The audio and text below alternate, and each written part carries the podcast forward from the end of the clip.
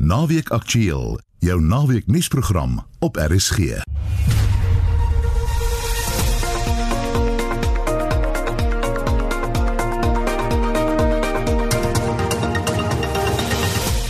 Goeiemiddag. In die program Die Baragwanath Akademiese Hospitaal in Johannesburg het vir die eerste keer in sy geskiedenis geen pasiënte op Nuwejaarsoggend in sy trauma-eenheid gehad nie. I would say 2021 USD is very different from the past years, referring to the capacity of patients that we attend to. I would really like to thank uh, our president for enforcing the lockdown, for it has really alleviated the strain on us, and now we can focus on the pandemic as a nation. Hulde word aan die DA veteraan in die Oos-Kaap, Eddie Trent, gebring na sy dood op 80 jarige ouderdom.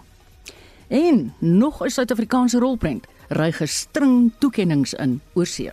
die demon child wat dan op die einde van die dag die wat meisies se siel wil hê en hoe wat se struggle dit vir hom is om tussen die twee meisies te kies. Jy weet, so daar daar's 'n baie oulike storie tussen die twee karakters en en baie versoenend. En as jy die film tot die einde kyk, sal jy sien wat gebeur. Ja.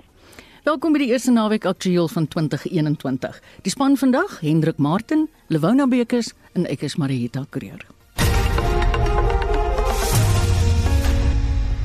Die vakbond in die uitsaaiwese, Bemawo, is ongelukkig oor die wyse waarop die SAIK die afgelope week se konsultasieproses hanteer het. Die samesprekings met die vakbonde gaan oor die beplande afdanking van tot soveel as 400 permanente werknemers by die SAIK as deel van die uitsaaiers se herstrukturering. Die SAIK het die vakbonde nog tot 31 Desember tyd gegee om finale voorleggings te maak. Ons praat nou met die president van Bemawo, Hannes de Bison. Goeiemôre Hannes. Goeiemôre Marita. Wat was die trant van die gesprekke wat die vakbonde die afgelope week met die SAIK gevoer het? Ehm uh, baie vyandig en dit is nie net die afgelope week nie, dit is die afgelope 30 dae wat uh, daardie konsultasie uh deur die SAIK raad ehm um, aangekondig is en Ja, dit was uh dit was besonder vyandig. Dit uh, daar was 'n mate van ernstige irritasie aan die kant van die SAIK en um, ons het uh, verskeie kere gehoor dat uh, ja, ons het hierdie goed vir julle al voorheen gesê, maar kom ons uh soort van sê net maar weer vir julle rondom um, hierdie spesifieke goed.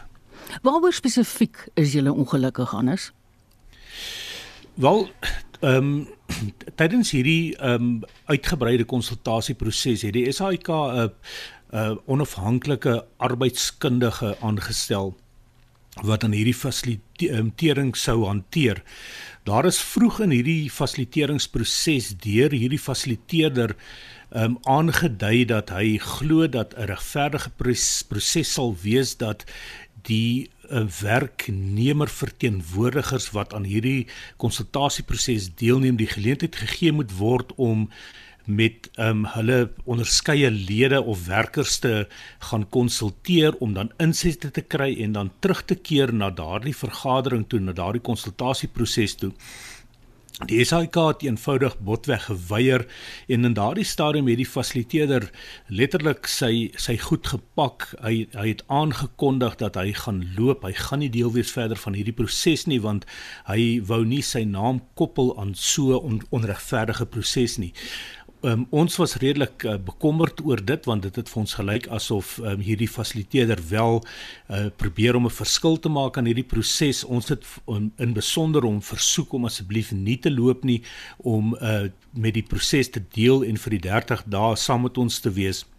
Daar is toe besluit om daardie kwessie waaroor hy ongelukkig was uit te stel tot Vrydag toe en uh en toe het daardie kwessie um, nou weer en ek sê nou Vrydag ek praat nou van 'n paar dae terug uh, toe het daardie kwessie nou weer uh, te berde gekom en daar is toe ehm um, gesê dat uh, daar moet geleentheid gegee word vir die uh, werknemer verteenwoordigers om met die werknemers te ontmoet. Dit was kort net voor Kersfees geweest. Mm.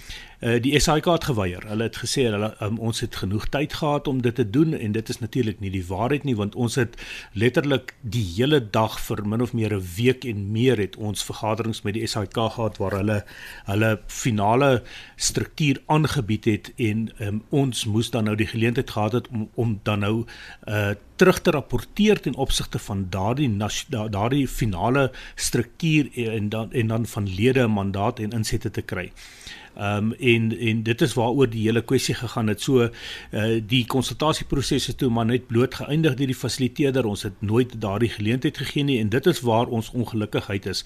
Ons het intussen probeer, ons weet dat een van die ander vakbonde het op ehm um, ou Kersaand 'n vergadering, 'n aanlyn vergadering probeer reël met sy lede waar dit iets so 70 lede van min of meer 1000 lede het daardie vergadering bygewoon. Ons het 'n gesamentlike vergadering gehad uh 2 3 dae terug net voor die voor die einde van die maand en tussen die twee vakbonde wat ver oor 2000 lede verteenwoordig by die SAIK het daar maar 260 mense daardie vergadering aanlyn bygewoon. So ons het, het ons ongelukkigheid gaan daaroor dat ons nie werklik met uh met ons lede met SAIK personeel kon konsulteer en en die insette kry wat sou nodig wees om daardie finale uh insette te lewer ten opsigte van die struktuur nie. Anders wat is julle voorstelle?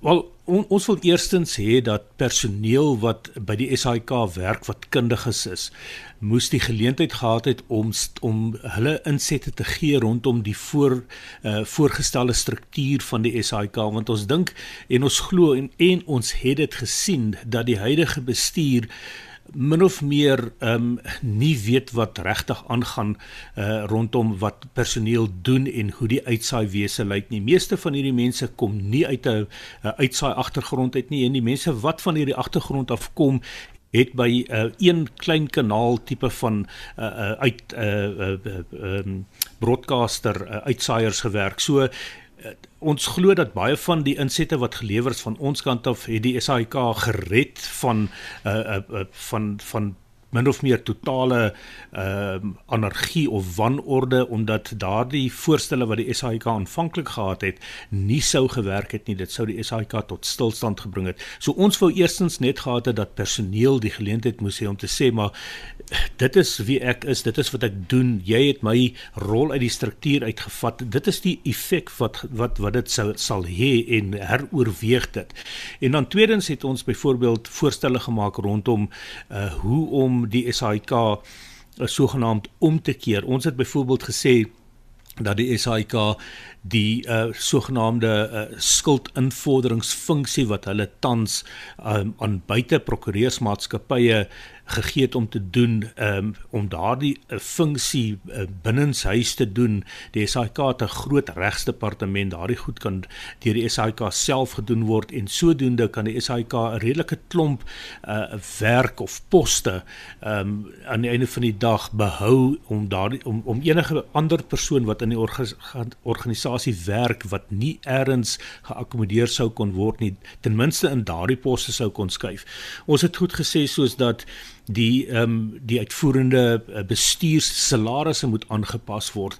Elke ander salarisstruktuur is min of meer in die SAIK is um, hersien en on, en ons wag natuurlik nou om te sien hoe daardie hersieningsstruktuur gaan wees wat wat gebeur het met salarisse byvoorbeeld. Ons het gevra dat dit ook moet gebeur want daar is spesifiek in besondere klagte gewees ten opsigte van die hoë koste wat die uitvoerende bestuur het. Ons het gesê dat ons weet dat daar's mense wat op die SAIK raad sit wat geen ander werk het nie dat hulle nou daardie posisie as 'n raadslid uh, as 'n werk gebruik en 'n miljoen rand 'n jaar verdien as gevolg daarvan. Ons het gesê dat daar moet uh, byvoorbeeld daardie mense moet gestop word indien 'n persoon nie ergens 'n werk het nie, kan daardie persoon nie op die SAIK se raad dien nie en as daardie persoon sy werk verloor terwyl hy 'n raadslid is, dan moet sy posisie heroorweeg word.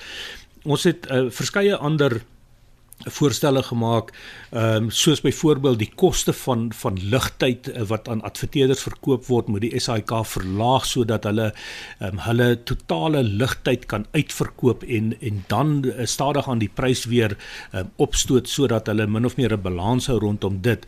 Ehm um, en ons wag natuurlik nou vir antwoorde op al hierdie uh, voorstelle wat ons uh, gedoen het. Wat gaan nou verder gebeur anders? Want kyk daar's briewe uitgestuur laas jaar en toe sit nou met 30 dae opgeskort. Maar dit het die mense onsaglik ontstel. Maar dit is absolute chaos. Ehm um, daar is nadat voordat ons finale insette gelewer het op die struktuur, is daar strukture aangebied waar poste wat nooit voorheen geaffekteer is nie skielik nou ook oortollig wat verklaar was. Daar is poste wat uh, oortollig verklaar was in terme van die vorige struktuur sonder dat daar enige finale insette gelewer is, is daardie poste skielik weer op die struktuur. Uh, dit is absoluut wanorde en chaos binne die SAIK. Um, ons gaan nou wag om te kyk wat die SAIK se volgende stap gaan wees. Uh, ons het gevra en en en dit is eintlik een van die groot ongelukkighede. Ons het gevra vir die SAIK om ons die geleentheid te gee om met werknemers te konsulteer wanneer hulle terug is van vakansie af, nie tussen Kersfees en Nuwejaar waar mense of met vakansie is, hulle fone, hulle rekenaars se goed afgesit het um, om net 'n breek te vat nie. Ons het gevra dat ons uh volgende week van maandag en 7 dae, 7 werksdae gegee word waar ons uh met lede kan ontmoet en daardie insette kry. So indien die SAIK gaan voortgaan met hierdie implementering van wat hulle nou uh wil doen en uh, ons het nogal met 'n groot skok verneem dat die briewe wat uitgereik is toe nooit 600 was nie, maar maar inderdaad 800 briewe en daar is toe ook vir ons gesê dat indien ons nie instem tot hulle alternatiewe soos die salaris ehm um, vries van 3 jaar en die verlaging of die vermindering van verlof en siekverlof nie dat daardie syfer weer teruggaan na 600 toe. So ons gaan kyk wat die SAIK gaan doen en dit is natuurlik uh, een van twee keuses. Die een is om uh, hof toe te gaan, weer hof toe te gaan uh, op 'n basis van dat die proses nie billik gevolg is nie of die ander um, keuse en dit blyk vir ons asof dit in hierdie stadium dan nou die die die mees uh verkose uh roete gaan wees om te gaan is is om dan maar te staak. Uh die ander vakbond het reeds aangedui dat hulle gaan voortgaan met 'n staking. Hulle het reeds 'n sertifikaat gekry by die uh by die kommissie om te staak en dat ons uh, lede dan nou bloot net in daardie staking um gaan aansluit om dan te kyk of die SAIK nie tot ander insigte gaan kom nie. Baie baie dankie en dankie vir die werk wat julle doen namens die werknemers van die SAIK. Dit was die president van Bemau, Hannes Dubison. Personeel by die Baragwanath Akademiese Hospitaal in Soweto het president Cyril Ramaphosa bedank vir die maatreëls wat hy as deel van die terugkeer na vlak 3 inperking aangekondig het en uh, hulle het geen geen pasiënte gehad in hulle trauma eenheid op nuwejaarsoggend nie en ER24 die nooddienste het woensdag laas 'n ernstige voorval aangemeld. Ons praat nou met 'n woordvoerder Russell Meyering.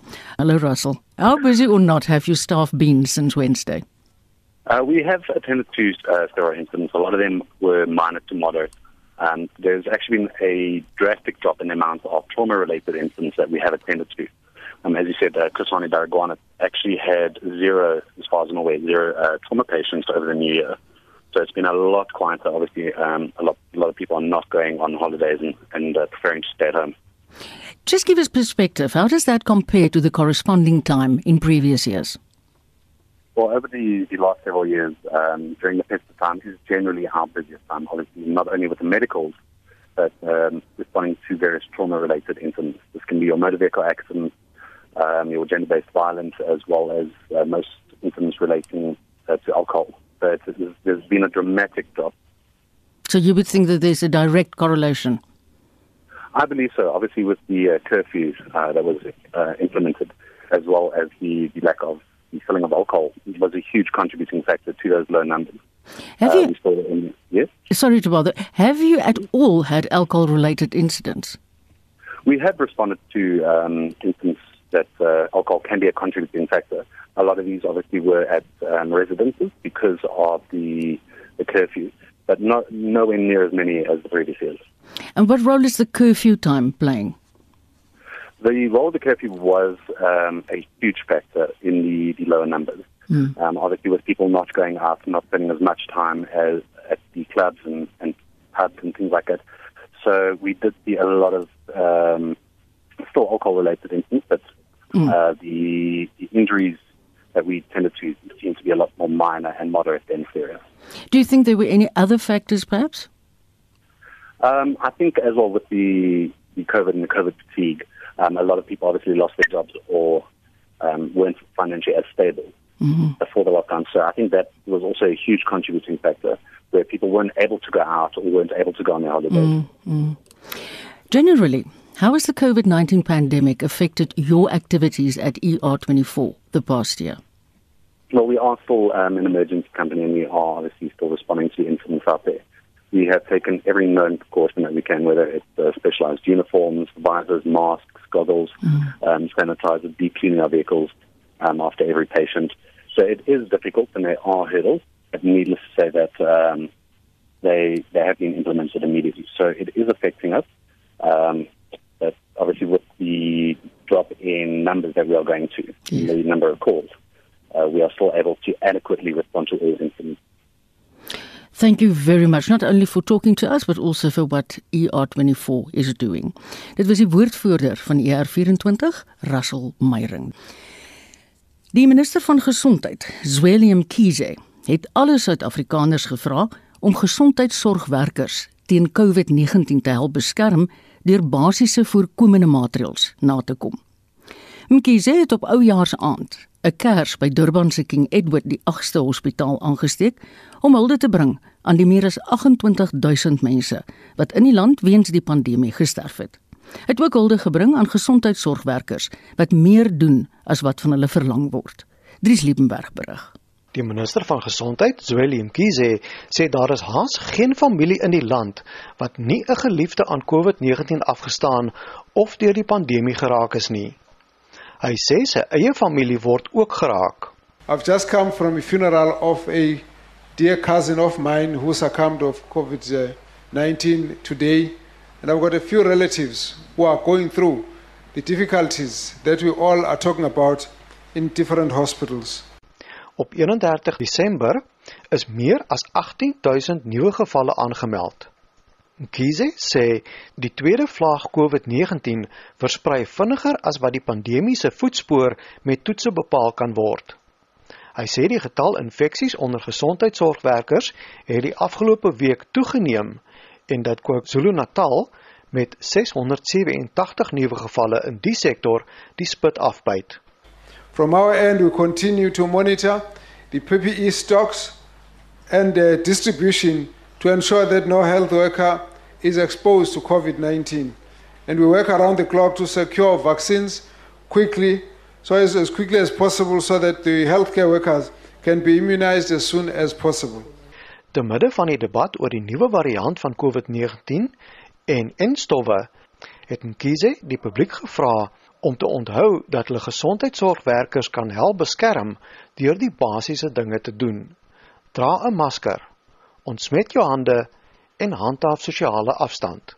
Every time a healthcare worker is infected with COVID, we lose at least 10 days of labor, so desperately needed this time.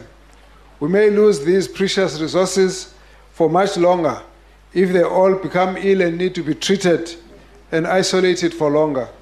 And in some instances, when someone has come back from isolation, the next thing that happens is that they get exposed with another person who's now positive, they have to go back to isolation.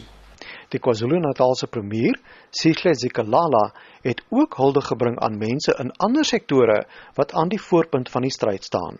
There are those who are in the police service, there are those in the, in the home affairs and other departments those who have been working in the Department of Social Welfare and Social Development, ensuring that our people are saved and protected from hunger during the time of difficulties. Dit was KwaZulu-Natal se premier, Sihle Zikalala, en ek is Dries Liebenberg in Durban.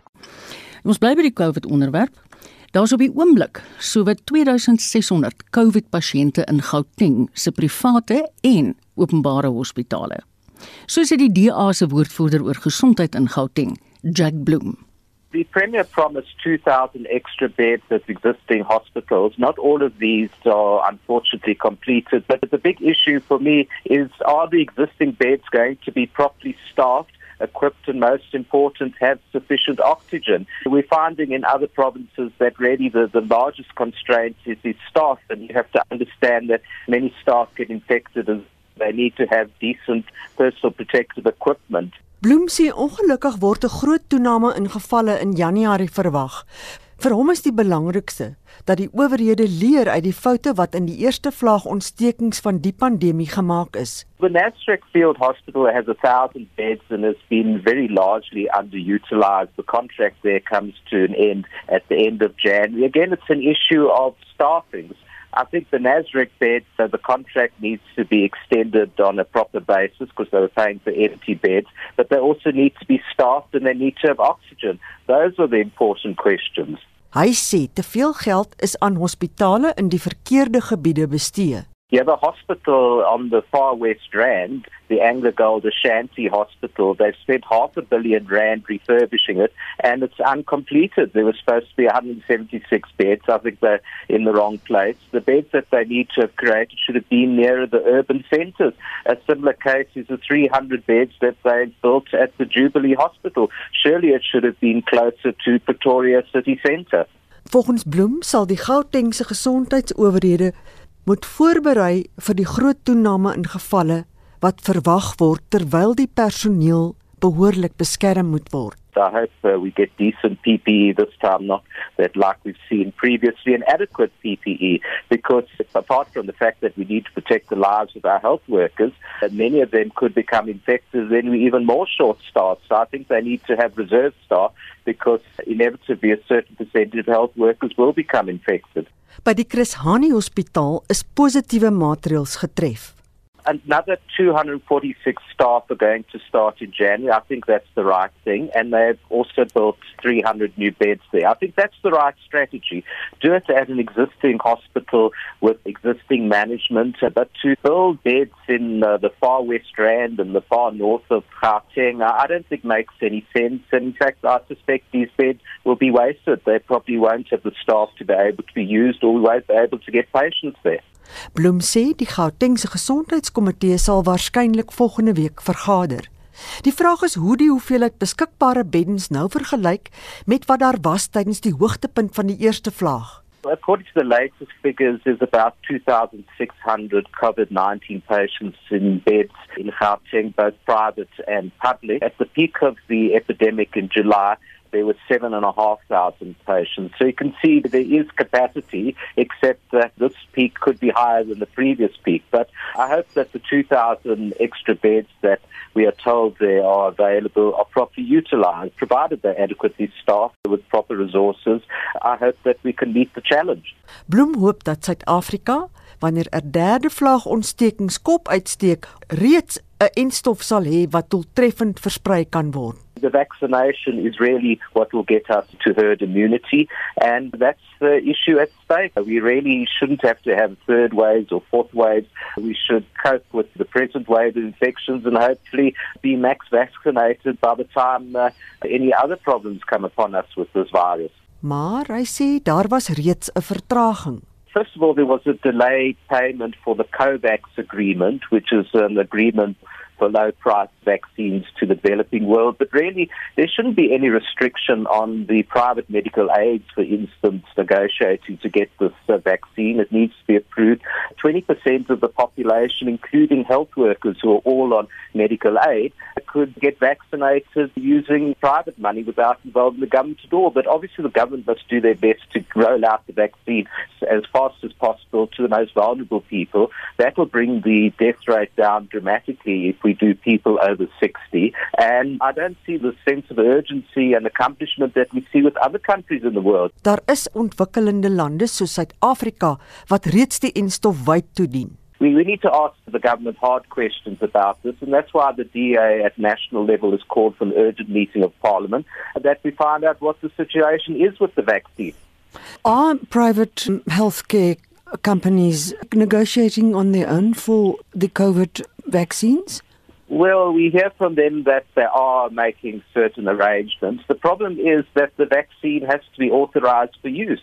And if uh, overseas authorities are happy that the vaccine is safe, surely it should be very quick for South Africa to authorize it as well. I'm very afraid that we have bureaucratic delays. It's very unnecessary. Bloem meen dat die alternatief veel erger is. Shutting down the economy also costs lives because people starve, people lose hope. Suicides go up, and there's other illnesses that are not treated. The sustainable way to get out of this terrible situation is mass vaccination. Jack Bloem is die DA skadu ALR vir gesondheid in Gauteng. Mitsi van der Merwe, SAK nuus. Dis so op nerf na half 1. Die voormalige leier van die DA in die Oos-Kaap, Eddie Trent, is op die ouderdom van 80 oorlede. Trent het aan natuurlike oorsake beswyk. Hy was in sy lewe 'n lid van die nasionale vergadering as ook die provinsiale wetgewer. En ons praat nou met die huidige leier van die DA in die Oos-Kaap, Bobby Stevenson. Hallo Bobby. Ja, goeiemiddag almal en en baie dankie uh vir die geleentheid. Uh, ja, denk, nee, ek dink 'n mens moet dit omgaan want ek meen hy was 'n groot gees in die politiek. Het jy dalk vir ons meer besonderhede oor sy dood? Well, uh he died of uh, natural causes in Pretoria. He was uh 80 uh years old and he was with his uh family at the time. Mm.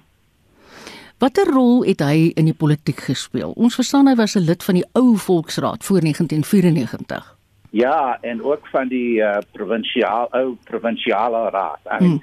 Uh Eddie se spore, you know, hy het diep spore in die Oos-Kaap uh, uh getrap. Uh, he was a member from 1981 of the old Cape Provincial Council uh, with Molly uh, Blackburn. Then, uh, when they did away with that, he was elected to the old National um, Assembly and then in 94, with the first democratic election, he was then the, the only uh, public representative of the DA, and he got elected to the um, provincial legislature in the in the Eastern Cape, and there he played a phenomenal role and, became a political uh, icon in the Eastern Cape because uh, for one man he he was everywhere, uh, fighting corruption, maladministration, um, putting in motions, making speeches, and helping people. And I was reminded this morning, uh, Donald Smiles phoned me from Middleburg uh, to remind me that in the late 1990s, when he was a councillor there, uh, his community had had their social grants cut off and he phoned Eddie Trent, and he managed to help get them reinstated. So hmm. Eddie was a person who had the time of day for everyone. Hmm.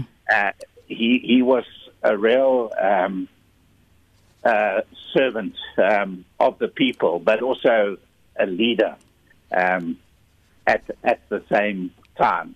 Thousands, he helped thousands of people in his lifetime with various issues from pensions to teachers not being paid, all, all sorts of things that you deal with as a public uh, representative. Ja, want in 94 was hy die enigste lid van die Demokratiese Party in die Oos-Kaapse provinsiale wetgewer, maar van toe ja. af het daai party so gegroei en dis natuurlik ja. soos jy sê, hy hy was net oral. Hy was oral. Uh he was called to be in uh uh politics. He saw it as uh, as as his calling to, to fight for a better society. And, and now there are, you know, 10 members mm. of the DA in the legislature. And at that time, we only had 15 councillors in the Eastern Cape. Now yeah. I think they're in the region of 250. So mm. he traveled the length and breadth of this province, uh, yeah. meeting with um, people, not, not, not just for, for uh, politics, but to listen to uh, communities who had uh, problems and then he would raise them in the in the legislature. Sure. Bobby, vertel ons 'n bietjie van sy stryd teen apartheid. Well, he, he was um, involved in the old uh, progressive um, federal uh, party, mm. who, as you are fully aware, was opposed to uh, uh, apartheid. And uh, he was also very involved with uh, helping to bring about the one city in Port Elizabeth. Port Elizabeth was the first non racial democratic council in South Africa, and he played a part in that. And uh, yesterday, um, one of my colleagues, Retief Odendaal, sent me a picture mm. uh, where there was the one city uh, signing agreement. Uh, and in it was Eddie Trent, Governor Becky, Raymond Mashlaba, uh, and people like that. Uh, he, he was someone, although he was outspoken, uh, he could also connect with people across the the political yeah. um, spectrum. Jy het nou genoem dat hy by sy familie in Pretoria was tydens sy afsterwe. Ja. Watter soort mens was Eddie Trent? He Eddie was a person who was caring, uh, compassionate, but at the same time, he was tough, um, goal orientated, and very focused on uh, what um, he wanted to, to, to, achieve. So, to, just to give you uh, an example of this, um, when he retired from the legislature in 2004, before he then moved on to the National Assembly, when when he left, the uh, Premier Stoffelier at the time, mm. at that last sitting, uh, made made a speech after they had all given him a standing ovation, uh, and he said, "We are giving you a mandate to go to the national parliament and fight for the Eastern Cape." So, he was someone who was re- respected by his opponents, despite yeah. being uh, very outspoken and tough on corruption and, and, and maladministration and the abuse of uh, power. He was an authentic person, you know, who said it as it is. Yeah. Baie dankie dat jy ons hierdie prentjie van hom gegee het. Dit was die huidige leier van die DA in die Oos-Kaap, Bobby Stevenson, wat gesels het oor Eddie Trent wat oorlede is. 'n Jaar na die skietvoorval in Melville in Johannesburg, waarin 2 mense dood is en 6 beseer is, soek die polisie steeds na die skuldiges. Minute nadat die nuwe jaar in 2020 aangebreek het, het 'n motor verby restaurante in die gewilde 7de straat in die woonbuurt verbygery en skote afgevuur. Hoewel die polisie 'n beloning uitgereik het vir inligting wat tot die skuldiges se inhegtenisneming sal lei, was daar tot dusver nog min vordering in die saak. Essie de Klerk doen verslag. All happened so fast. So we saw people in the golf and then people ran out and they were shooting and when we saw two bodies or we saw people lying dropping yeah dropping falling down. I saw one of my friends outside who i didn't manage to wish and as i walked outside um, it sounded like firecrackers but louder. And I just found myself on the ground and after that complete utter chaos. Ooggetuies vertel hoe hulle die noodlottige aanval by Poppy se restaurant onthou waar twee mense op die sypaadjie gesterf het en ses mense in die omgewing buite die restaurant in Melville beseer is. Die skietvoorval van die vermeende aanvallers wat in 'n luukse Duitse motor net na middernag by die restaurant verbygery het en op partytjiegangers losgebrand het wat op die sypaadjie gestaan het, bly 'n raaisel. Poppy se eienaar, Jubi Raja, sê sy het steeds nie vrede met wat daar gebeur het nie. 2020 has been a very traumatic year for us.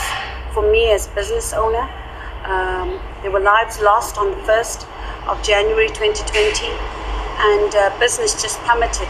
People didn't pitch up, didn't come back. It was traumatic because of the shooting. And on the 27th of March, um, COVID happened globally, and uh, the president called lockdown. And we were closed for close on to six, seven months. Ten spyte van die polisie wat reeds in Januarie gesê het die skuldiges sou binnekort vasgetrek word, is niemand nog in hegtenis geneem nie. Die polisie se woordvoerder, Matapelo Peters, sê die polisie bied steeds 'n beloning aan vir inligting.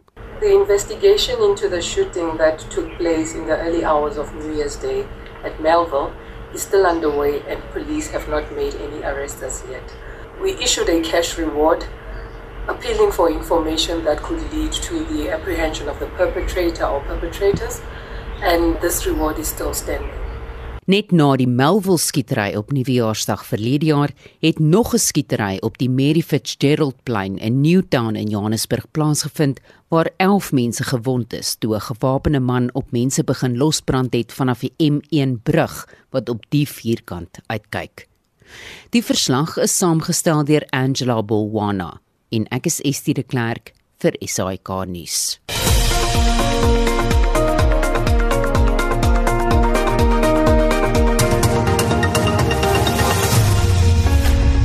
Is ingeskakel op RSG. Hier is die program Naweek Aktueel. Welkom terug. In sy weeklikse moederrubriek kyk Wessel Pretorius na die voorbereidings wat nodig is voor die groot terugtog huis toe aangepak word.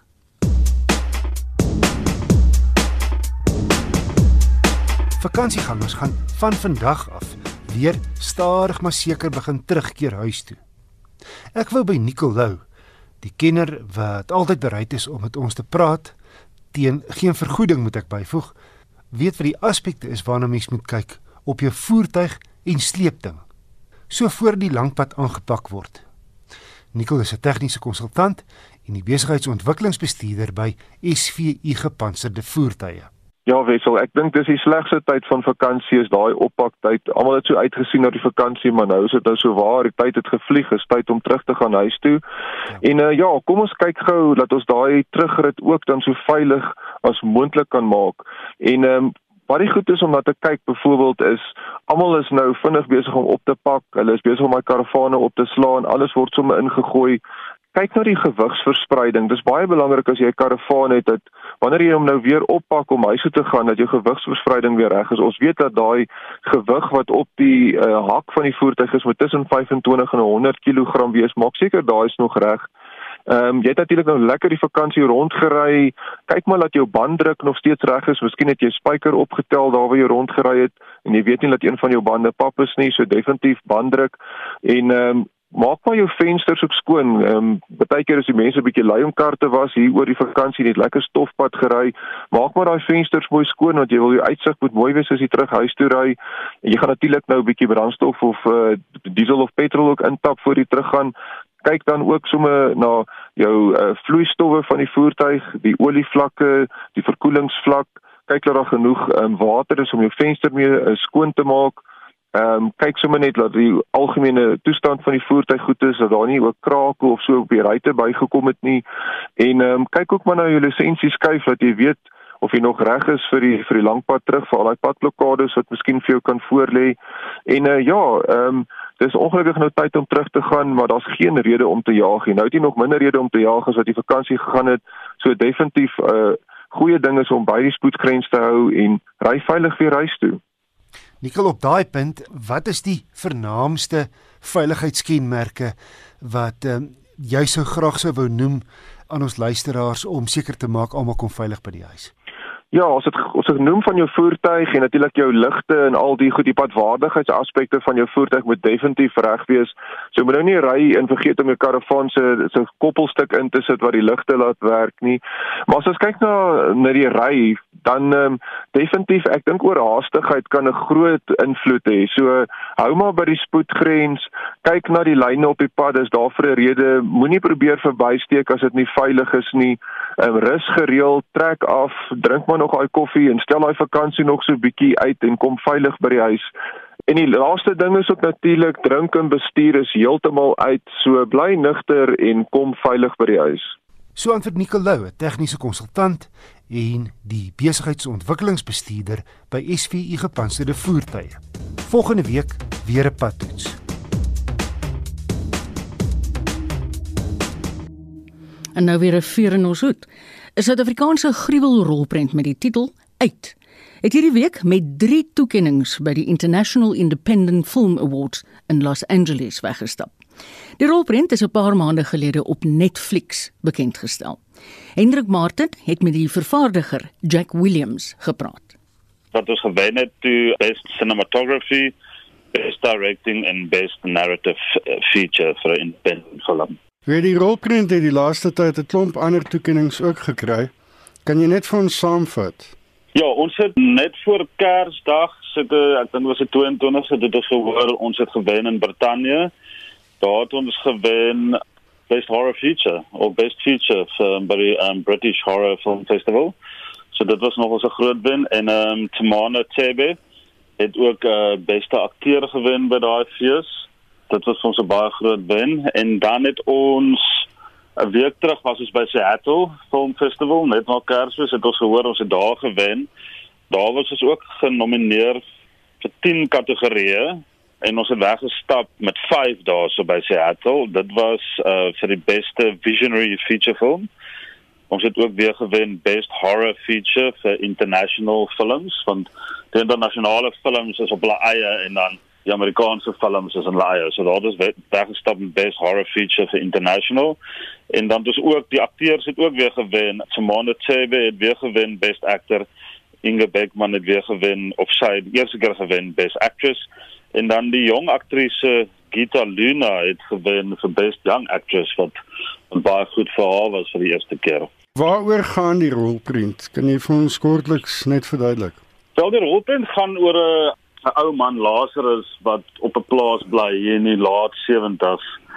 En ehm um, dit is 'n tipe van 'n fantasy horror in Montreal vir die jaar waar ons geworld premiere het dit dit actually 'n folkloric horror begin noem. So dit gaan oor 'n ou man wat 'n uh, tipe van 'n deal gemaak het met sy ancestors. Um want sy dogtertjie het doodgebrand in 'n huis en hy wou haar baie graag terugbring en hy moes toe 'n pad aangaan met die ancestors dat sy sal terugkom maar dan kom sy half terug as 'n demon child en dit gaan dan daaroor vir hom wat half sy siel verkoop aan hulle en dan moet hy siele vir die dogtertjie voer basically om haar lewe te hou en dit is nou vir hom 'n hele hartseer verhaal. En dan kom bly die wit familie op hierdie plaas waar hy bly en dan is dit die hele verhaal tussen tussen hom en die wit familie en die jong dogtertjie wat saam met die wit familie kom en hoe die verhaal dan uitspeel en hoe hy dan basies hierdie siele moet oes van mense en op die einde van die dag moet hy die wit dogtertjie se siel vat en hoe hartseer dit vir hom is. So ja, dit is is 'n bietjie van 'n van 'n fantasy horror storie, maar weer eens ons dink omdat dit so 'n tipe van 'n volksvreemde storie is oor see, ehm um, hou die mense verskriklik baie daarvan. En ek dink dit is ook die rede hoekom die film so goed doen. Maar om by te sê die produksiewaarde van die film is is regtig uitstekend. Dit word oral vir ons gesê en dan die rolle wat vertolk word deur die akteurs word uitstekend vertolk. Ja, want ek wou nou jous vir jou vra, jy het nou verduidelik oor die internasionale ontvangs en die feit dat daai mense nie regtig die konteks ken nie. So maar hier binnelands waar ons miskien meer weet van die tradisies en so aan. Ja, die sangomas en die voorvadergeeste en daai tipe goed. so dis ook hier ja. goed ontvang. Ja, dis baie goed van ons het obviously gedink dit mag miskien 'n probleem wees veral vir die mense wie se kultuur dit spesifiek nou is. Maar ek dink die regisseur Harold Holscher, wie se en dit was sy eerste film, ek dink hy het baie mooi te werk gegaan om sy navorsing goed te doen en regte werk met die mense en en Simone Tsebe wat die hoofrol speel was ook al 'n sangoma in sy lewe en en hulle heeltemal vir ons gesê hulle staan agter die film En ehm um, ja, nee, die publiek en veral die, die publiek en daai kultuur wat ons verwag het kan miskien 'n backlash veroorsaak. Dit glad nie. Hulle het heeltemal omgedraai en en 100% agter die film gestaan en ons het dit oral op sosiale media gesien. Weet Twitter het toe ons ons ons trailer op Twitter release het ons amper 'n miljoen views gekry in 'n week en 'n half jy weet so die, backlash wat potensieel daar kon gewees het het, het omgedraai in 'n baie baie goeie release baie positief ja. Daar's 'n rasse element in die storie met die wit gesin soos jy nou vertel het. Ja. Maar wat beteken die rolprent vir versoening ja ek dink dit is obviously nie gemaak uit 'n politieke oogpunt nie? Maar ek dink wat baie baie oulik deurkom in hierdie film is die verhouding tussen Lazarus, die ou swart man en Mary, die jong wat meisie en hulle verhouding en dit is baie versoenend. Jy weet om te kan sien hoe hoe hulle actually vriende raak in die film en hoe moeilik dit vir hom is om te kies tussen uh, sy verhouding met die jong wat meisie en sy verhouding met sy demon child wat vir wie hy siele moet voer en dan die demon child wat dan op die einde van die dag die wit meisie se siel wil hê en hoe wat se struggle dit vir hom is om tussen die twee meisies te kies. Jy weet, so daar daar's 'n baie oulike storie tussen die twee karakters en en baie versoenend um, op die einde van die dag en as jy die einde die film tot die einde kyk, sal jy sien wat gebeur. Ja. So sê die vervaardiger van die bekroonde rolprent uit Jack Williams. Die ekonomie het afgelope jaar met die spoed van lig verander. Die beleggingsstrategie van Old Mutual Invest, Isak Odendaal, sê uit 'n ekonomiese oogpunt was die jaar onvoorspelbaar, verrassend en skokkend. Dit was net absoluut die een skok en verrassing na die ander. Dit was 'n baie baie ongewone jaar vir die wêreldekonomie en vir finansiële markte. As ons nou moet terugkyk, wat was vir jou hoogtepunte wat het uitgestaan? Kyk, die die groot ding natuurlik was die die pandemie wat natuurlik in China begin het en toe oor die res van die wêreld versprei het. En teen laat Februarie het duidelik geword dat baie lande die Chinese roete gaan volg en mense in kwarantyne gaan plaas en basies die ekonomie gaan dooddruk om die virus te probeer bekamp. En dit is juist dis presies wat gebeur het reg rondom die wêreld ook in Suid-Afrika en finansiële markte, aandelemarkte het absoluut in duie gestort in laat Februarie, eerste paar weke in Maart. Maar toe die aandelemarkte net so vinnig weer omgedraai want die uh, die beleidsreaksie was geweldig. So so aan die aan die monetêre beleidskant met ander woorde sentrale banke rentekoerse gesny, geweldige stimulus in finansiële markte ingepomp, het 'n rekord hoeveelheid staatsskuld gekoop. So 'n 'n massiewe massiewe reaksie en 'n 'n vinnige reaksie. Baie vinniger as byvoorbeeld gedurende die 2008 finansiële krisis.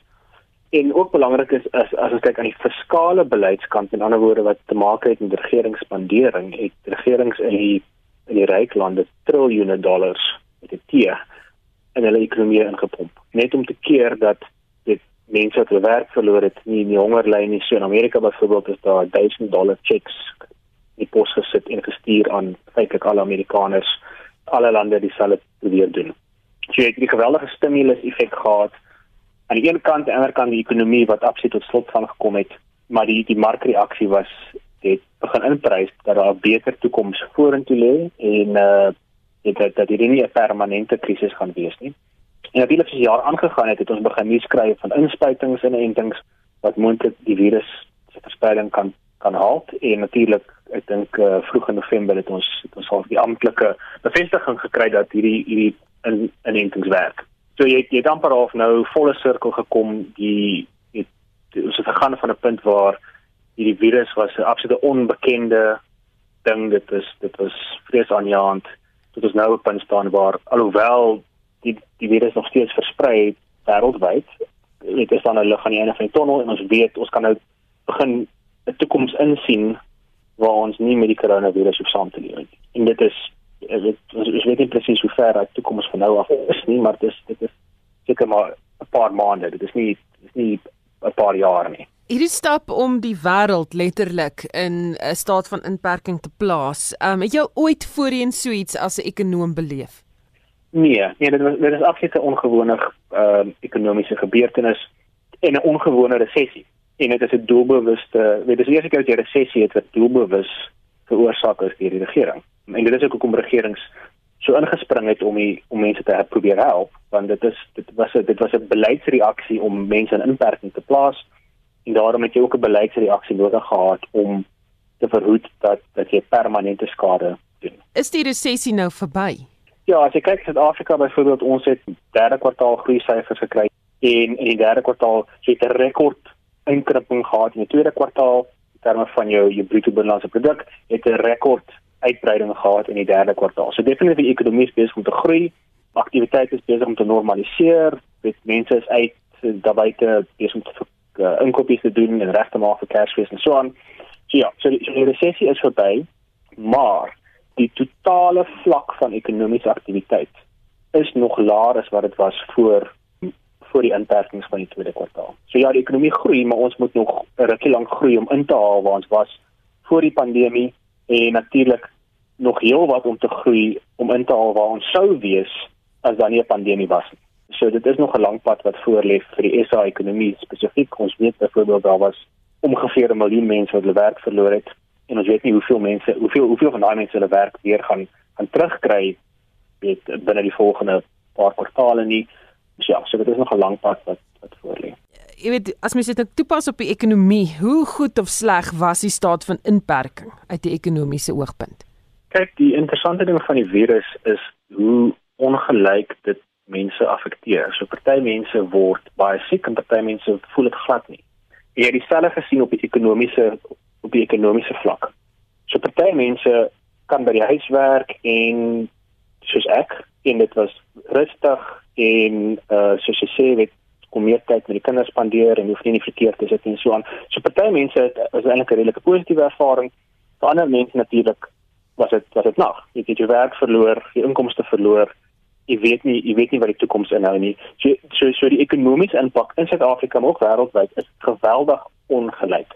En ongelukkig is dit tipies die mense aan die laer kant van die inkomste skaal, dis tipies mense met laer opvoedingsvlakke wat die seerste gekry het so die bestaande ongelykheid wat in die ekonomie was is eintlik net vererger deur hierdie deur hierdie krisis. En weer eens dis dis dit is dis is die geval in Suid-Afrika maar dit is ook die geval in ander lande. En dit is die nalatenskap van die koronavirus wat beleidsmakers sal moet probeer aanspreek in die volgende paar jaar. Anders skep jy vir jouself baie langtermynprobleme as as die ongelykheid wat vererger het net net aanhou net aanhou vererger. As mense sou geweet het dat daar in Maart hierdie groot staat van inperking gaan wees om die pandemie te probeer stop, dink jy die markte sou anders gereageer het as hulle byvoorbeeld voorberei was?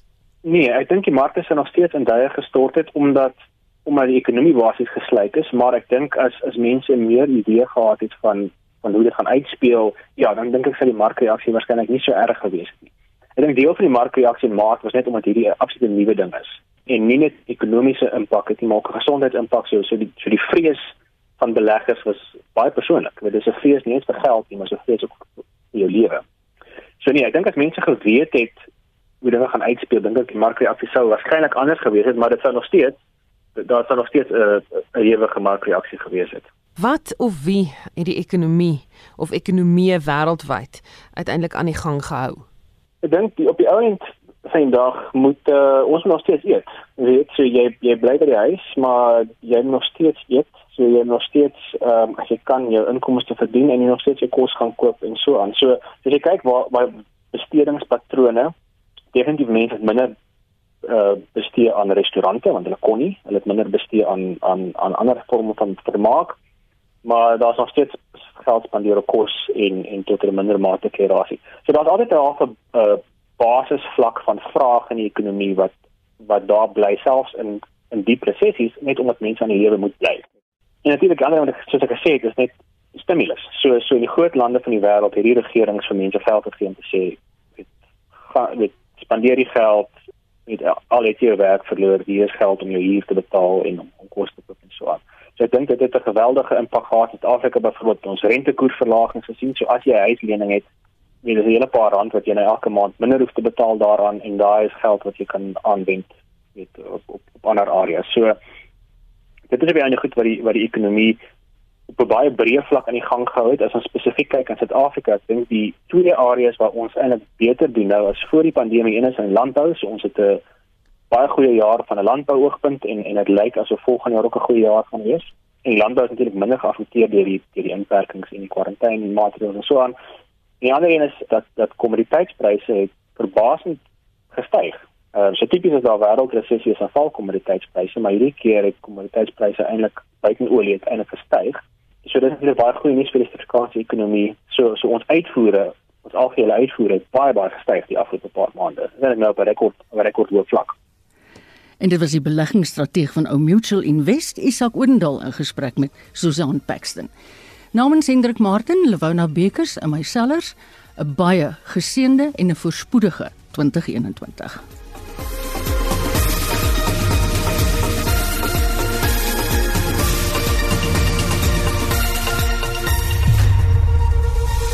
Esai Kahnis, onafhanklik, onpartydig.